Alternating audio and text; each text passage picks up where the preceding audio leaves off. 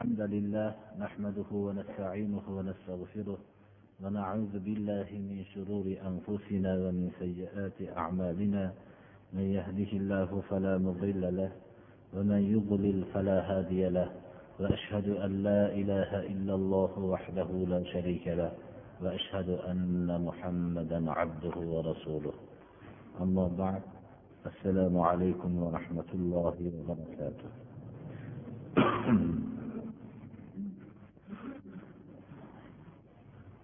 alloh subhanahu va taolo rasululloh sollallohu alayhi vasallamni oxirgi payg'ambar qilib jo'natdi to odam alayhissalomdan tortib payg'ambarimiz sollallohu alayhi vasallamgacha bo'lgan payg'ambarlar hammasi o'zlarining qavmlariga ollohning buyrug'ini yetkazishdilar. Bu payg'ambarlarning asosiy o'zlarining qavmlari bilan bo'lgan da'vatlari shirkka qarshi da'vat edi shirk odamlarning qalbiga ularning hayot yo'nalishlariga va umuman hamma an'analariga kirib ketgan edi. Shirkning asli kelib chiqishligi yaxshi niyat bilan haddan tashqari ulug'lashlik natijasida kelib chiqdi. Shayton odamlarni hurmatli solih kishilarni suratlarini olib esga olishlikka vasvasa qildi. Ular avvaldagi bularning suratlariga ibodat qilishgan emas edi. Ularni yodlariga olish maqsadida suratlarini paydo qilishgan edi. Keyingi avlodlar bu suratlarga ya'ni solih kishilarning suratlariga ibodat qilib ketishdi. Mana abdulloh ibn abbos roziyallohu anhudan rivoyat qilingan so'zda surai nuh alayhissalomdagi bayon qilingan لا تذرن ودا ولا سواعا ولا يغوث ويعوق ونسرا ود suvo yag'us yauq nasr bular hammasi nuh alayhissalomning qavmidagi solih kishilar edi bular vafot qilgandan keyin ularni suratlarini olishib suratlarini esga olishlik uchun suratlarini chizishgan edi. Keyinchalik avlodlar unga ibodat qilib ketdi degan so'z abdulloh ibn abbosdan rivoyat qilinadi roziyallohu anhu. Mana bu narsa shundan boshlab insonlarning ko'plari shirk kasaliga giriftor bo'lishdi. Hozirgi ummat ham shu shirk kasaliga giriftordir aksari. Alloh subhanahu va taolo mushriklar ollohni inkor qiladigan kishilar deb aytmayapti qur'oni karimda. Ularning iymon keltirdik deyishadi shu bilan birga aksarlari mushrik bo'lgan holatda iymon keltirdik deyishadi.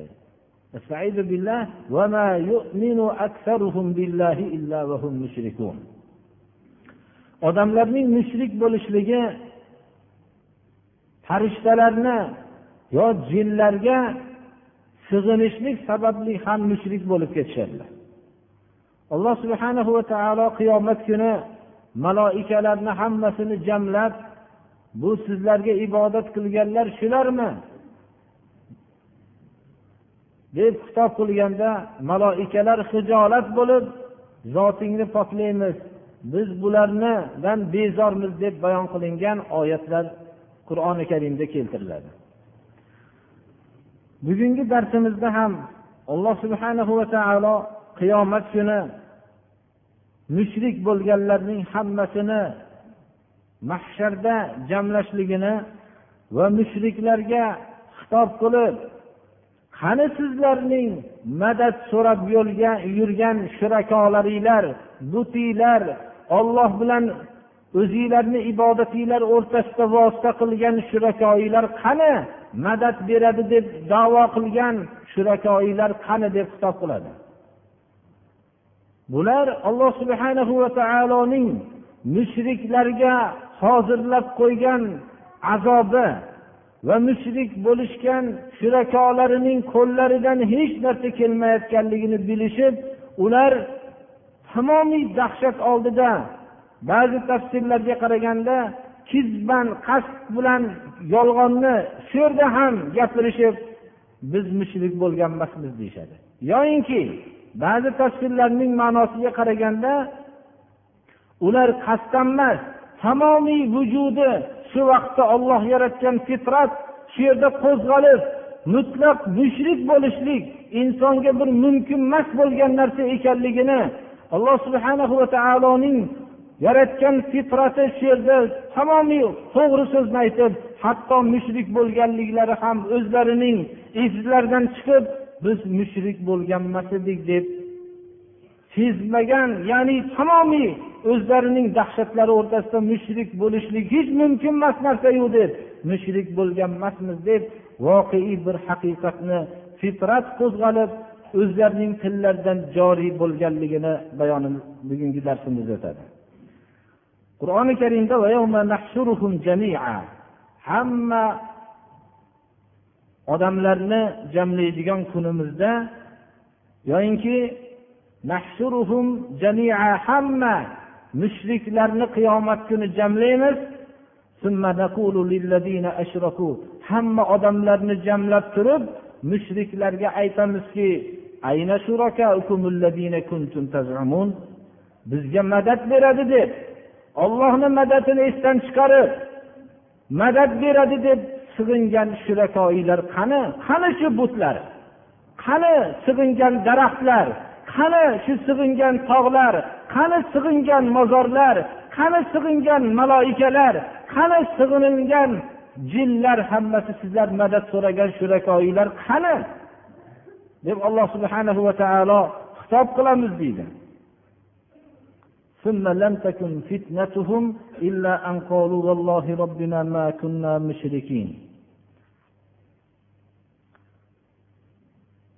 ularning fitnalari ya'ni bu savolga bo'lgan imtihon imtihonlari ularni qani shu shurakoiylar deb qilingan xitobdagi imtihon savol ularni shundan boshqa imtihonlari bo'lmagan. Shundan boshqa imtihonlari bo'lmaydi. Hozirgi aytgan tafsirimizga muvofiq ba'zi mufassirlar vallohi robbina ma kunna mushrikin. Robbimiz bo'lgan ollohga qasam ichib aytamizki biz mushrik bo'lgan emasmiz deb qasd bilan yolg'on so'zlashadi. Ba'zi tafsirlarning ma'nosiga qaraganda lekin ba'zi tafsirlar shu tafsir muvofiqroq bo'lsa kerak vallohu alam. Ma kunna mushrikin so'zini alloh subhanahu va taolo yaratgan fitrat qo'zg'alib voqeiy bir haqiqatni voqeda inson shuncha yaratuvchining sifatlarini bilgan shuncha yaratuvchini tan olingan holatni voqeiy bir haqiqati ro'yobga chiqib mushrik bo'lganmasmiz degan so'z ulardan dahshat oldida shu haqiqat so'z o'zlari sezmagan holatlarda chiqishligini ham tasvir berishganlar.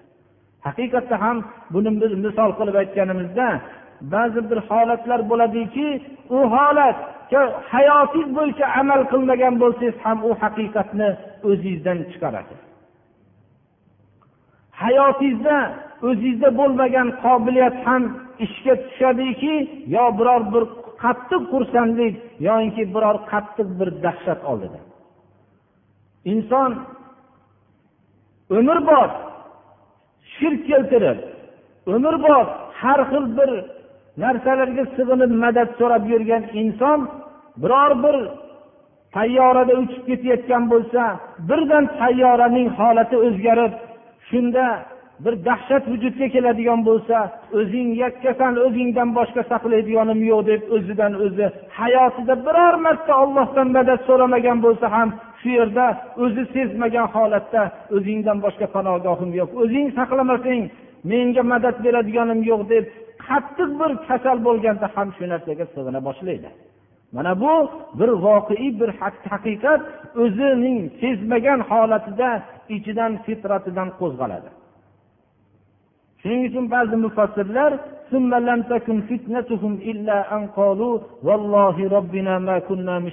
shunday tafsir qilishganlar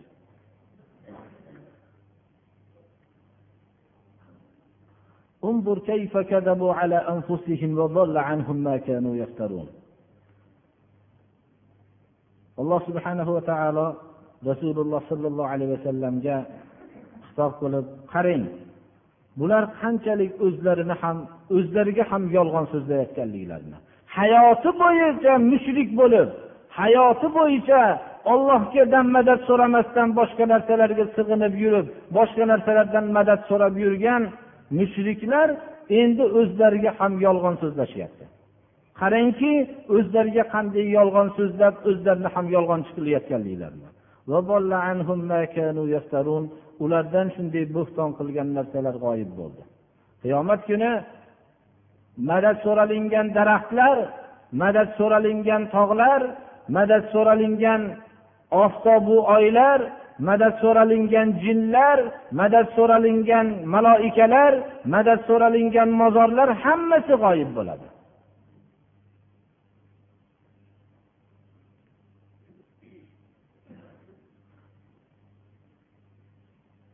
Ba'zi kishilar ollohni madadini qo'yib hozirgi vaqtda tamomiy suyanishligini dinsiz bo'lgan kishilarga ham bog'lashadi.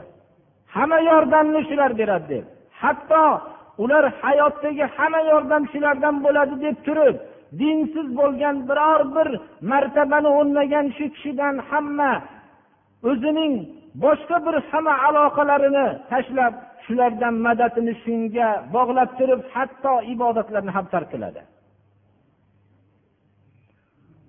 undan ham og'irrog'i shuki qarigan vaqtida o'ladigan vaqtga yaqinlashib qabrga yaqinlashib borganda mabodo bir namoz o'qiydigan bo'lsam yo bir ibodat qilsam yo ro'za tutganligim oshkor bo'lib qolsa yo ro'zada biror bir joyga men ziyofatga bir taklif qilinsam shu yerda ovqat yemasam farzandimning o'rniga lavozimiga bir putur yetib qoladi deb o'zining ollohga bo'lgan ibodatidan ham voz kechib shunday dinsizga bir ibodat qiladigan mushriklar ham ko'paygan birodarlar.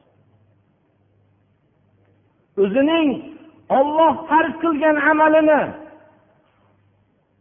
ibodat o'zi quvvatdan qolib biror bir gunoh qilishlikka badanida quvvat ham qolmagandan keyin ham shu ollohni farzini ham tark qiladiki biror bir qarindoshimga yo putur yetib qolmasin bir gap tegib qolmasin deydigan tamomiy suyanishligini ibodatini dinsiz kishiga qiladigan mushriklar ham ko'paygan birodarlar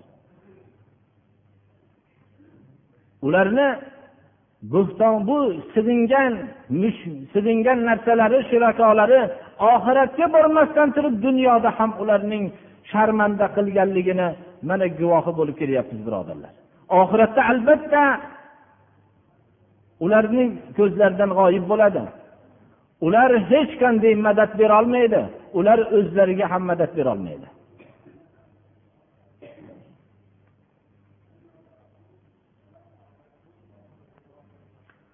ومنهم من يستمع إليك. وجعلنا على قلوبهم أكنة أن يفقهوه وفي آذانهم وقرا. وإن يروا كل آية لا يؤمنوا بها. حتى إذا جاءوك يجادلونك يقول الذين كفروا إن هذا إلا أساطير الأولين. وهم ينهون عنه وينأون عنه. وإن يهلكون إلا أنفسهم وما يشعرون.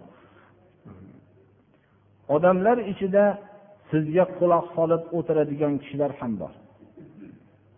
Ba'zi kishilar borki sizga quloq solib o'tirishadi. Lekin ko'rinishda ular quloq solib o'tirishadi. Biz ularning qalblariga tushunishlikdan to'sadigan pardalar g'iloflar qilib qo'yganmiz. Quloqlarida vazminlik qilib qo'yganmiz. Siz gapirayotgan so'zni anglashlikdan to'sib qoladigan pardalar bor qalbida. Va ularning quloqlarida bu so'zni eshitishlikdan to'sadigan vazminlik bor. Ular hamma bir mo'jizani ko'rishsalar ham iymon keltirishmaydi bu mo'jizalarga. Sizni oldingizga kelishsa ular mujodala qilib siz bilan munozara qilib ishlik uchun kelishsa ularning kofirlari qur'oni karimni siz o'qib bersangiz xalqqa buni ogohlantirib bildirsangiz ular bu avvalgilarning afsonasidan boshqa narsa emas deyishadi. Har bir so'zga quloq solib turgan odam uni amal qilishlik uchun eshitmaydi birodarlar. Qalbida alloh subhana va taoloning hidoyatiniga haris bo'lgan kishilarni alloh subhana va taolo hidoyat qilishligini xohlagan.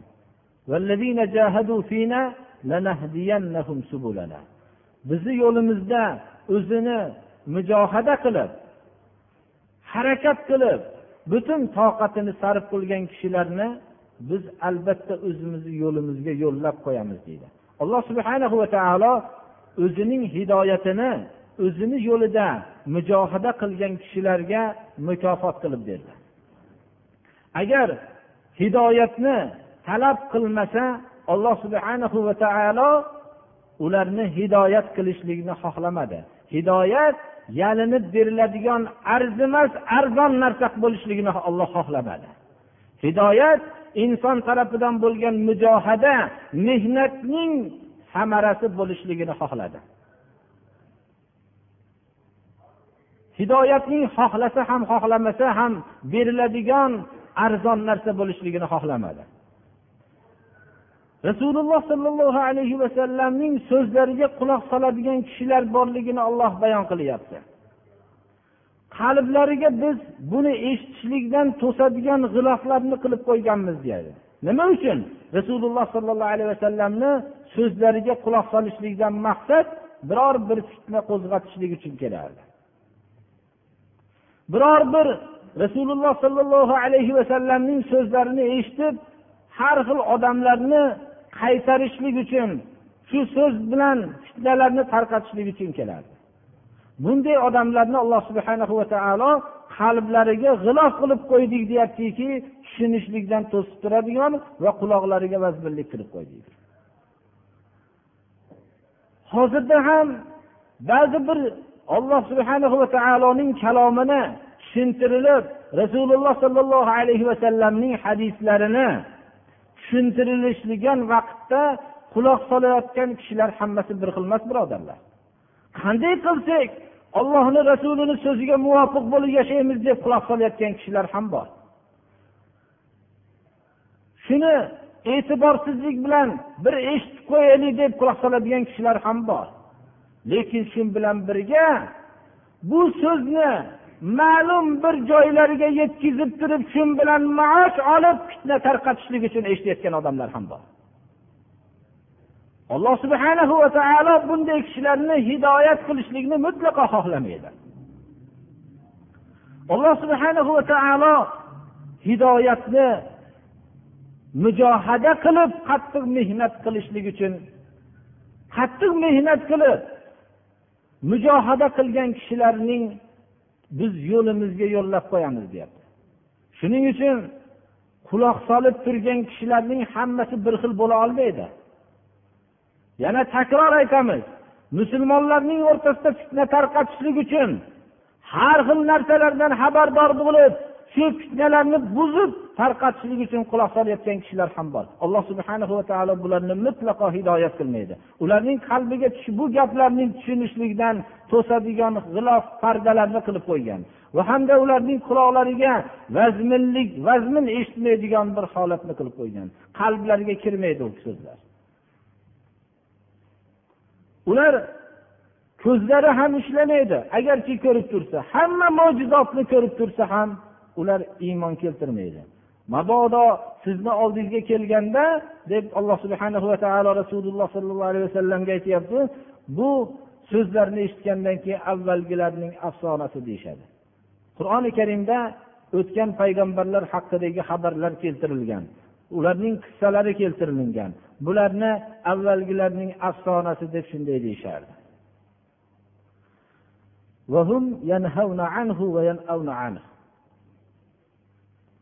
Inson haq so'zni o'zigina chetda yurib eshitmay yurishlik bilan cheklanmaydi. Fasod qalbida bo'lgan odamlar bu so'zlarni eshitmay yurishlik bilan cheklanmaydi balki boshqalarni ham qaytarishadi. Ular odamlarni bu sizni so'zingizdan qaytarishadi o'zlari uzoq bo'lgan holatda. Haqiqatda ham ba'zi bir kishilar hozir biror bir mahallalarda haq so'z paydo bo'layotgan bo'lsa o'zlari uzoqda bu haq so'zlarni eshitmay yurishlikdan tashqari boshqalarni ham qaytaradi. Chunki fasod bu yolg'iz qolayotgan vaqtda ozayib borsa u sharmandalik holatini ko'paytirib boraveradi. Shuning uchun ular haqdan qaytarishadi o'zlari uzoq bo'lgan holatda. Bular o'zlarinigina halok qilishadi. Sezmagan holatlarda. Inson haqiqatda haqdan chetlangan holatda o'zidan boshqani halok qilmaydi. Sezmagan holatda ba'zi bir kishi o'zining halokatini sezib turgan bo'lsa bu o'zini halok qiladigan bo'lishligi bilan birga nodon hamdirki sezmaydi ham buni. Misoli shunga o'xshaydiki bir odam nihoyatda zavq bilan tezlik bilan o'zini sayyorasini haydab ketyaptiki u yo'lning oxiri bir katta bir jarlikka tushishligini bilmasdan quvonib ketayotgan odamga o'xshaydi. Agar uni shunday bir katta bir halokat jariga qarab qarab ketayotganligi bilan ogohlantirilsa u buni boshqa odamlarni mutlaqo buni o'zining faxrlanib ketayotgan holati bilan boshqalarni bilmaganga chiqargan bir nodonga o'xshaydi. Ular o'zlaridan boshqani halok qilmaydi yana buni sezmagan holatlarida.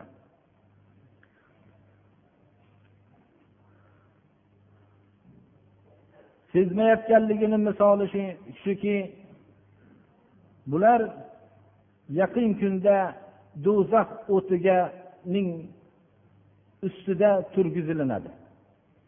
Bularni shu do'zaxga uloqtirilasizlar degan uloqtirilinishlik holati bularga bildirilingan holat.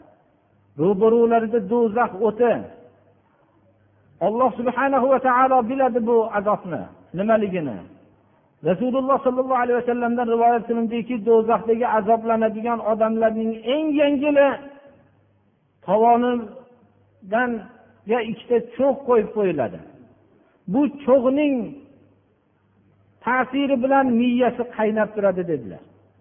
Do'zaxdagi azoblanadigan kishilarning eng yengili shu dedilar. olloh biladi bu azobning qanchaligini qattiqligini mana shu azob ro'barusida bularni turgizilinib ولو ترى إذ وقفوا على النار فقالوا يا ليتنا نرد ولا نكذب بآيات ربنا ونكون من المؤمنين agar ko'rganingiz edi yo rasululloh siz ularning hammasini o'tni ustida turgizib qo'yilinganligini to'xtatib qo'yilinganligini ko'rganingiz edi boshqa tarafga qochib qutulishlikni iloji yo'q o'tni ustida shunday to'xtatib qo'yilingan shu o'tga uloqtirilishligini bilishadi ularning faqolu aytayotgan holatlarini faryod chekib koshkiydi bir dunyoga bir qaytarilsak edi robbimizning oyatlarini qur'onlarini yolg'on demasak bo'lardi. Bir dunyoga qaytarilib oyatlarni yolg'on demasdan yashasak edi. mo'minlardan bo'lsak edi deb orzu qilib turgan bir holatni ko'rsangiz edi. Mana bular o'zlarining sezmagan holatda halok qilganligini ma'nosi bittasi shu bo'lsa kerak. Ular hali oxiratga bormasdan turib o'zlarini halok qilishdilar. O'zlarini olloh man qilgan narsalar bilan birinchi jismlarini halok qilishdilar. Tuzalmas kasallarga giriftor qilishdi va ma'naviyatini halok qilishdi. O'zlarining nasllarini tuzalmas kasalliklarga giriftor qilib shariat man qilgan narsalarni iste'mol qilishlik bilan halok qilishdi. Aybsiz bo'lgan nasllari nogira bo'lib tug'ildi. Shularning shariatga bo'ysunmaganliklari sababli. Bular dunyoda ham o'zlarini halok qilgan edi.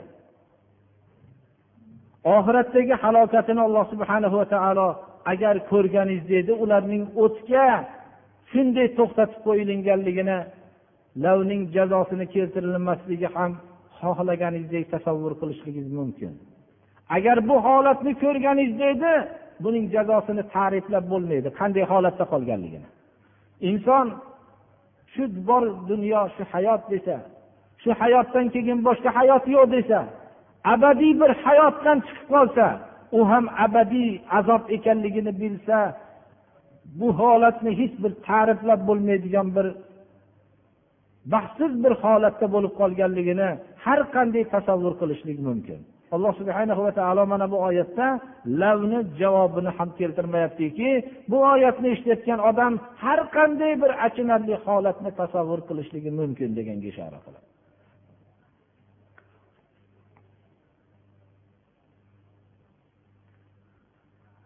بل بدا لهم ما كانوا يخفون من قبل ولو ردوا لعادوا لما نهوا عنه وإنهم لكاذبون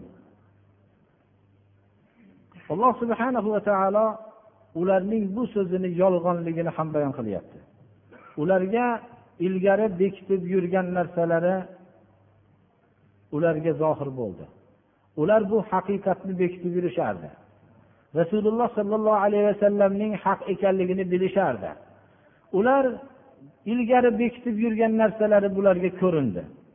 Agar dunyoga mabodo bir qaytarilishganda ham ilgarigi hayotda dunyoda bir tiriltirilganda ham bular hayotda qaytarilingan narsalarini yana qaytishgan bo'lardi. Ular ilgarigi shu mushriklik holatda yashashgan bo'lardi. Ular bu davolarda yolg'onchidir. Haqiqatda inson juda ko'p holatda bir narsalarni davo qiladiyu alloh subhana va taolo uni hayotda shu orzu qilgan holatiga qaytarganda u davosida mutlaqo turmaydi. Inson bir qattiq kasallikka duchor bo'ladi. Duchor bo'lib agar alloh subhana va taolo shu dardimga shifo bersa bilardim qanday yashashlikni har bir a'zolarimni haqqini o'tagan bo'lardim deb orzu qiladi olloh shifo beradi. Boyagi shu kimsanboy bo'lib yashayveradi boshqa bu o'zgarmaydi. Ilgarigi holatida bo'ladi. Moli dunyosiga bir talon taroj qilingandan keyin agar moli dunyoyimni yaxshi yo'llarga sarf qilmabman bu moli dunyoyim qaytib kelganda bir odamlarga qanday din yo'lida sarf qilishlikni o'rgatib qo'ygan bo'lardim deydi. Alloh subhana va taolo son sanoqsiz odamlarning bu orzularini qaytarib dunyoda beradi. Lekin ilgarigi shu palonchi bo'lib yashayveradi men ahd qilgan edim deb biror marta eslamaydi. Inson juda ko'p narsani yoshi o'tib qolgan kishilar bir yoshligim qaytib kelib qolsa bir qanday bir yashashlikni o'rgatib qo'yardim deydi. U yoshligini qaytib kelishlikni orzu qilmasin shu hayotining kelgan joyidan o'zini o'nglashlikka harakat qilaversin. Mabodo yoshligi qaytib kelib qolsa ham ilgarigi shu holatidan o'zgarmagan bo'lardi. Har bir hayotda inson o'zida yo'q sifatni boshqalarda bor sifatni orzu qiladida o'zidagi ne'matni esga olmasdan menda bo'lganda ko'rsatib qo'yardim deydi. Bo'lganda xuddi ko'rsatganda ham shu falonchidagi holatni ko'rsatardi xolos boshqa narsani ko'rsatmasdi birodarlar. Shuning uchun u narsa mutlaqo bir kizib bir yolg'on gap bu. Inson o'zidagi ne'matlarni qadrlamaydi. Mana bu holatni ham alloh subhana va taolo dunyoda azobni ko'rganda qaniydi bir hayot qaytib kelganda men bir bunday holatimni o'nglagan bo'lardim deganlarni alloh subhana va taolo ularni yolg'onchiligida shak shubha yo'q deyapti. Haqiqatda ham o'zingizni hayotingizda bir tajriba qilib ko'ring. Agar mana shuncha moli davlat topib olsam shariat ilmlarini o'qib boshqa dunyoga harakat qilmasdan shu narsani ilmni egallagan bo'lardim deydi. Shu dunyoni topasiz undan keyin ozmoz harakat qilib turgan shariat ilmlari ham yo'q bo'ladida shu bilan siz boshqa tarafga qarab harakatingizni burib yuborasiz bu narsa har bir kishi o'zining hayotidagi tajribalarini sanab tursa bu son sanoqsiz misollar bor.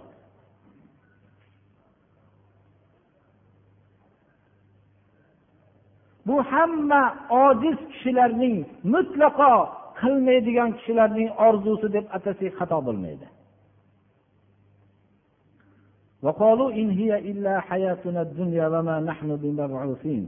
Ular shu hayoti dunyodan boshqa narsa yo'q deb aytishdi hayotda. Hayot deganini ma'nosi shu ko'rinib turgan hayot. Yemoq ichmoq jinsiy aloqa qilmoq shu tahoratxonaga borish bundan boshqa hayot yo'q deyishdi. Hozirgi eng oxiratga unamagan ziyoli tabaqalarning ham fikri bundan ortiq emas birodarlar. Hayot nima degan narsani shundan boshqa ma'nosini tushunmaydi. Bu ma'no faqat bir hayvonning o'ziga xos bo'lgan ma'nodir. Bu inson tushunadigan ma'no emas bu. Alloh subhana va taolo insonni mukarram qilib yaratdi. Uning tasavvuriga hayoti dunyodan keyin abadiy hayotiki bu ko'rinib turgan hayot u hayotning uzunligiga nisbatan bir soatdek deb e'tibor qilinadigan uzun dunyo borligini insonga bildirdi. Ular biz tirilmaymiz deyishdi. Qiyomat kuni bu turpoqqa aylanib ketadigan jasad tirilmaydi deyishdi.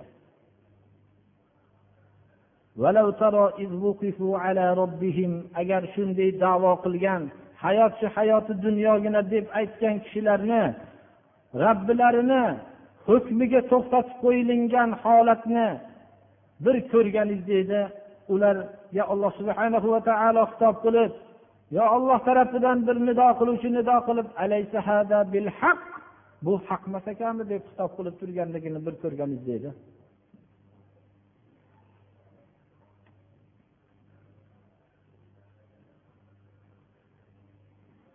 mana bu narsa bir kishi mutlaqo hech narsa yo'q o'limdan keyin desayu shu o'limdan keyin shunday bir hayotdan chiqsaki bu yasha uzun deb faqat shu hayoti dunyo deb atalgan hayot u uzun hayotga nisbatan bir soatdek bo'lgan uzun hayotni oldidan chiqib qolsa unda tamomiy azobdan boshqa narsa yo'q bo'lsa unga buga yana unga xitob qilinib bu haqmas ekanmi deb turilsa uning butun tamomiy achinarli bir holatini har qanday tasavvur qilishligingiz mumkin. Alloh subhana va taolo bu oyatda ham lavni javobini keltirmayapti. Bu haqmas ekanmi degan xitobga bala va robbina bu haq ekan robbimizga qasam deb birinchi marta rabbini og'ziga oladi. Bu vaqtda rob taologa iqror bo'lish foyda beradimi? Kofir bo'lganliginglar sababli azobni tatinglar bo'lmasa haq bo'lsa deyiladi. قد خسر الذين كذبوا بلقاء الله حتى إذا جاءتهم الساعة بغتة قالوا يا حسرتنا على ما فرطنا فيها وهم يحملون أوزارهم على ظهورهم ألا ساء ما يزرون olloh bilan ro'baro bo'lishlikni yolg'on deganlar juda ham ziyonkor bo'ldi bu ziyonkor bo'lishganliklarida shak shubha yo'qdir olloh bilan ro'baro bo'lishlikni yolg'on deganlar haqiqiy ziyonkorlardir Chunki hayotidagi hamma ishni shu hayoti dunyo deb ish qilgan bo'ladi. Oxiratdagi holatni esga olmaydi. Olloh bilan ro'baro bo'lishlikni esga olmaydi. Olloh bilan ro'baro bo'lgan vaqtda hamma qilgan ishi ziyonli ekanligini biladi. Hatto qiyomat ularga to'satdan kelgan vaqtda ular hasrat qilib dod faryod qilishadiki o'zlarining hayotdagi suskashlik qilgan narsalarga. Dunyodagi suskashlik qilib ollohni hukmlarini qilmaganligiga hasrat aytishadi. Gunohlarini yelkalariga orqalariga zuhur orqalariga ko'targan holatlarda alloh subhana va taoloning huzurida hasrat faryod bilan mahsharga kelishadi. Ular qilgan gunohlar ular ko'targan narsalar qanday bir xunuk narsalar. Hayvonlar xor hayvonlarga insonlar o'zlarida hayotdagi axlatlarni yuklashadi. Hayvonlar to'rt oyoqli bo'lganligi uchun ularning yelkalaridagi bo'lgan axlatlar ham xunuk ko'rinmaydi. Ammo insonning orqasiga u ikki oyoqlik maxluq bo'lganligi uchun mabodo bir chiroyli narsani ham og'ir narsani eng go'zal narsani insonning orqasiga ko'tartirib qo'yilsa hayotdagi eng chiroyli narsa bo'lishligiga qaramasdan inson og'ir bo'lganligi uchun xunuk bir holat bilan yuradi. Chunki u to'rt oyoqlik emas edi u bir yukning og'irligidan egiladida nihoyatda bir xunuk bir holatga tushadi agarki ko'targan narsasi chiroyli bo'lsa ham.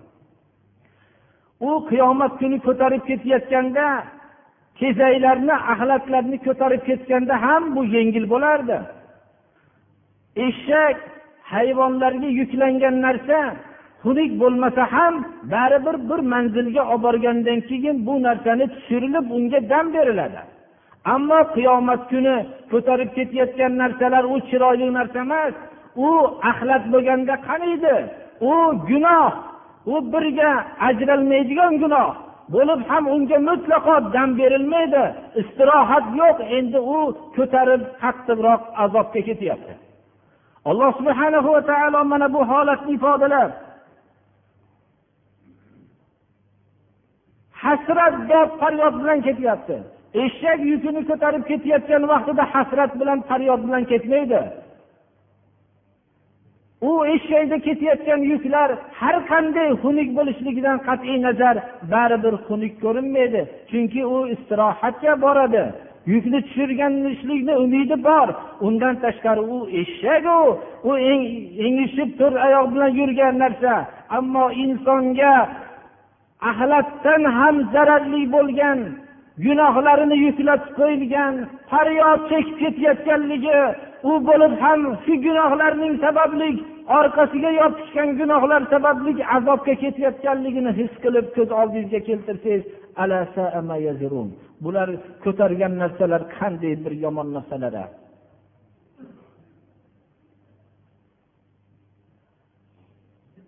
وما الحياة الدنيا إلا لعب ولهو وللدار الآخرة خير للذين يتقون أفلا تعقلون hayoti dunyo o'yin kulgidan boshqa narsa emas. Ya'ni hayoti dunyo insonning asosiy muhim narsasi bo'lmasligi kerak. Hayoti dunyo tekshirib qarasangiz ulug' yoshdagi kishilardan so'rasangiz ko'p narsalarni ko'rgan kishilardan so'rasangiz hayotda nimani ko'rdingiz desa tortishgan narsalari janjal qilgan narsalari hayotdagi g'azab qilgan narsalari xursand bo'lgan narsalarni bir tekshirib ko'rsa o'zi ham bir bir o'yin kulgidan boshqa narsa emas ekanligini yaxshiroq anglaydi. Agar bu qilgan amallar oxirat uchun bo'lgan amallar bo'lmasa. Bu oyatdan kelib chiqmaydiki hayoti dunyo bu e'tiborsiz narsa degan narsa kelib chiqmaydi. Islom tasavvurida dunyo oxiratning ekinzoridir deyilgan. Shu dunyo bilan oxiratdagi saodatga erishishlik ham mumkin shu dunyo bilan oxiratdagi shaqovat badbaxtlikka ham erishishlik mumkin. Lekin islom dunyoqarashida hayoti dunyo asosiy muhim narsa deb e'tibor qilinmaydi. Hayoti dunyo oxiratga o'tadigan bir ko'prik deb e'tibor qilinadi. Alloh subhanahu va taolo hayoti dunyodagi tayyibot shirinliklar lazzatlardan foydalanishlikka yeyishlikka buyurdi. Va hatto hayoti dunyoning tayyibotlari lazzatlari ziynatini harom qilgan odamga tashdid bilan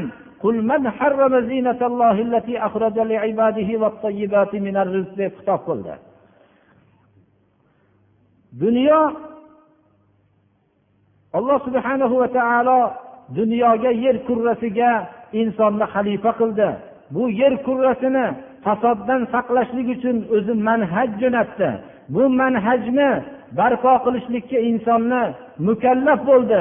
Inson shu bilan ollohning xalifasi bo'ldi. Yer kurrasidagi hamma o'tgan payg'ambarlar shu fasodni yo'qotishlik uchun jihod qilishdilar. Ular hayoti dunyoda ollohning manhajini barpo qilishlik uchun harakat qilishdilar. Dunyo ollohning manhaji bilangina obod bo'lar edi. Lekin hayoti dunyoning o'zi uchun cheklab hamma narsani shundan boshqa hayot yo'q deb tasavvur qilishlikdan islom man qildi.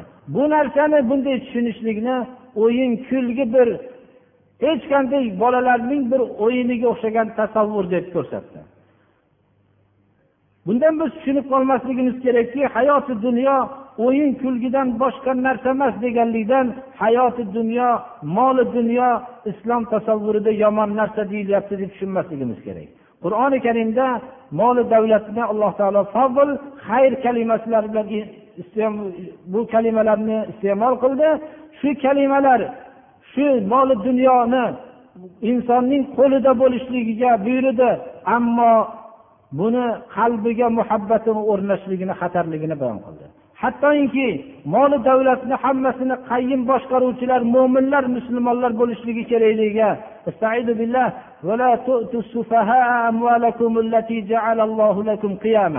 alloh subhanahu va taolo sizlarni rahbar qilib qo'ygan moli davlatinglarni nodonlarga berib qo'ymanglar fasod yo'lida sarf qiladigan kishilarga deb alloh taolo mollarni o'zi qayyim qilib shuni boshqaruvchi bo'lgan kishilar mo'minlar ekanligini bayon qildi.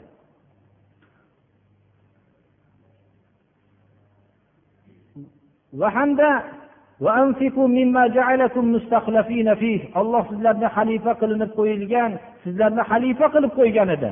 Shu mollardan sizlar ollohni yo'lida infoq qilinglar deb insonni ollohning yuborgan mollariga xalifa ekanligini bayon qildi.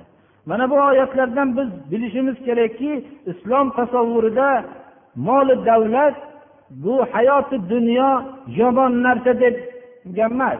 Bu tasavvur bizga hayoti dunyoning yomon degan tasavvur bular dinsizlar tarafidan o'zlarining butun hamma nasorolarning ibodatxonalarida hayoti dunyodan voz kechishlikka chaqirgan tasavvurlarning ta'sirotida nasorolarning dinidagi tasavvurlarni islomga to'ngab gapirishliklaridan boshqa narsa emas. Nasorolar haqiqatda ular eng afzal narsani rahboniyat deyishadi. Tog'i toshga tarki dunyo qilib chiqib ketishlikni aytadi. Shu bilan tamomiy hayoti dunyodan voz kechishliknigina ular ulug'lik deb sanashadi. Mana bu tasavvur natijasida islomga ham bu narsani tuhmat qilishgan. Islom dunyoqarashida hayoti dunyo oxiratning ekinzoridir. Hayoti dunyodagi ekinzordagi yaxshi holatda yashashlik dunyo saodatiga olib boradi. Oxirat saodatiga olib boradi. Oxirat saodati uchun dunyoda yashashlikdan boshqa yo'l yo'q ekanligini islom bizga bayon qilgan. Mana bu rasululloh sollallohu alayhi vasallamning davrlaridagi bo'lgan hayot mana bu narsani isbotini ko'rsatdi. Hatto imom azam rahmatullohi alayhidan bu kishini taqvolarini bilishib dunyoni do'st tutmaslik haqida siz bir kitob yozsangiz deganlarida javob berdilarki men kitobi bayni yozdimu dedilar. Men dunyoni do'st tutmaslik haqida kitob yozdim deganlarida u kitob qaysi? Biz ko'rganimiz yo'q deganlarida kitobi bayni oldi sotdi haqida kitob yozdimu dedilar. U kishini so'zlarini izohini talab qilishganlarida dunyoni do'st tutmaslik oldi sotdi qilib turib do'st tutmaslik dedilar. Oldi sotdidan voz kechib tog'i toshga chiqib ketib turib dunyoni do'st tutmaslik emas u. U narsa dunyoga aralashmasdan turib dunyoni do'st tutmay yurishlikdan oson narsa yo'q. Inson bozorda oldi sotdida shariatga muvofiq haromdan pul kelayotgan bo'lsa voz kecholashlik savdo qilib turgan vaqtida oldi sotdini ustida dunyoni do'st tutmasdan harom narsadan voz kechishlik haqiqiy zohidlik dedilar dunyoni do'st tutmaslik bayda bilinadi dunyoni do'st tutmaslik tarki dunyo qilib bir chekkaga chiqishlikda bilinmaydi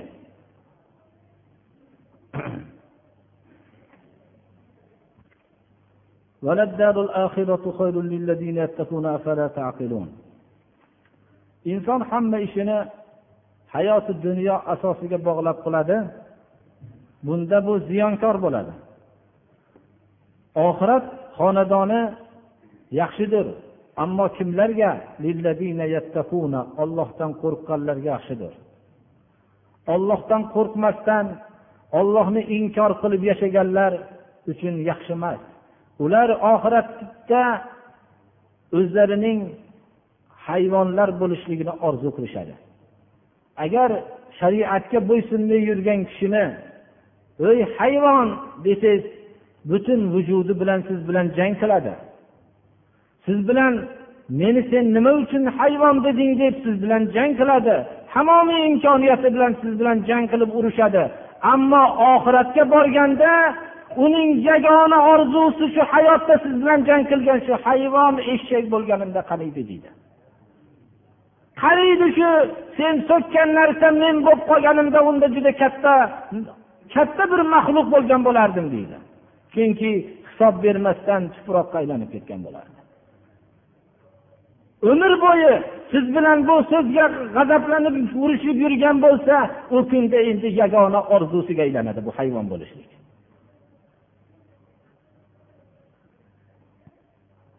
Shariat hukmlarini qilmay yurgan odamlarga hayvon deb hisob qilinganda g'azablanganlar bir bilib qo'ysin shu narsani. Deydi. Qaniydi turpoq bo'lib ketganimda eshaklar qatorida turpoq bo'lib ketganimda qaniydi deydi. Oxirat yaxshi lekin kimlarga? Ollohdan taqvo qilib yashaganlarga. Ollohdan taqvo qilib yashaganlar aqlli kishilardir.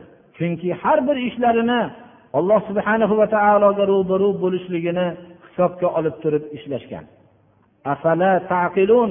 Oxiratni hisobga olmaganlar aqlsiz kishilardir. Aqllarini ishlatishmaydimi bular?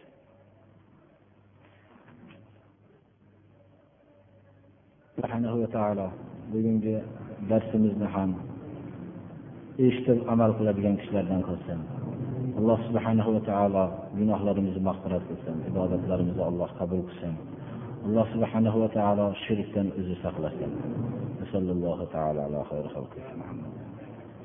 O'zini mulki bo'lmasa buni mulki bo'lmagan narsani agar sotib qo'ying demagan bo'lsa buni sotishlikka hech qanday haqqi yo'q. Bir kishi so'rabdilarki o'zini mulki bo'lmagan molni sotib shuni o'n foiz qo'yib sotsa shu topgan puli halol bo'ladimi deb so'rabdi. O'zini mulki bo'lmagan narsani sotishlikka buni haqqi yo'q. Mol o'tlasa bo'ladimi deb so'rabdi birodarlar. Qabristondagi qabristonda o'sgan ko'katlarni mabodo bir molga berilsa buni zarari yo'q. Zarari yo'q. Buni o'rib tashlanib shunday qilingan bo'lsa. Buni zarari yo'q. Lekin molni qabristonga kirgizib yuborib turib o'tlatishlikda bu xatar bu endi bu yerda depsalanib shunday bo'lishligi yaxshi emas. Jumaga kelgan kishilar ham bor ekan. Alloh subhanahu va taolo o'zim ota onalarni haqlariga duo qiling debdilar alloh taolo shariatda barqaror qilsin iymonlarni hamroh qilsin. Alloh subhanava taolo umrlarini uzun qilsin. Din islomga xizmat qiladigan qilsin birinchi juma namoziga kelgan kishilarga alloh taolo muboraklik qilsin bugungi kunlarini. Va shu e'tiqodotda barqaror bo'lishlikni alloh nasib qilsin. Alloh subhanahu va taolo din islomga quvvat bersin. Yoshlarga alloh taolo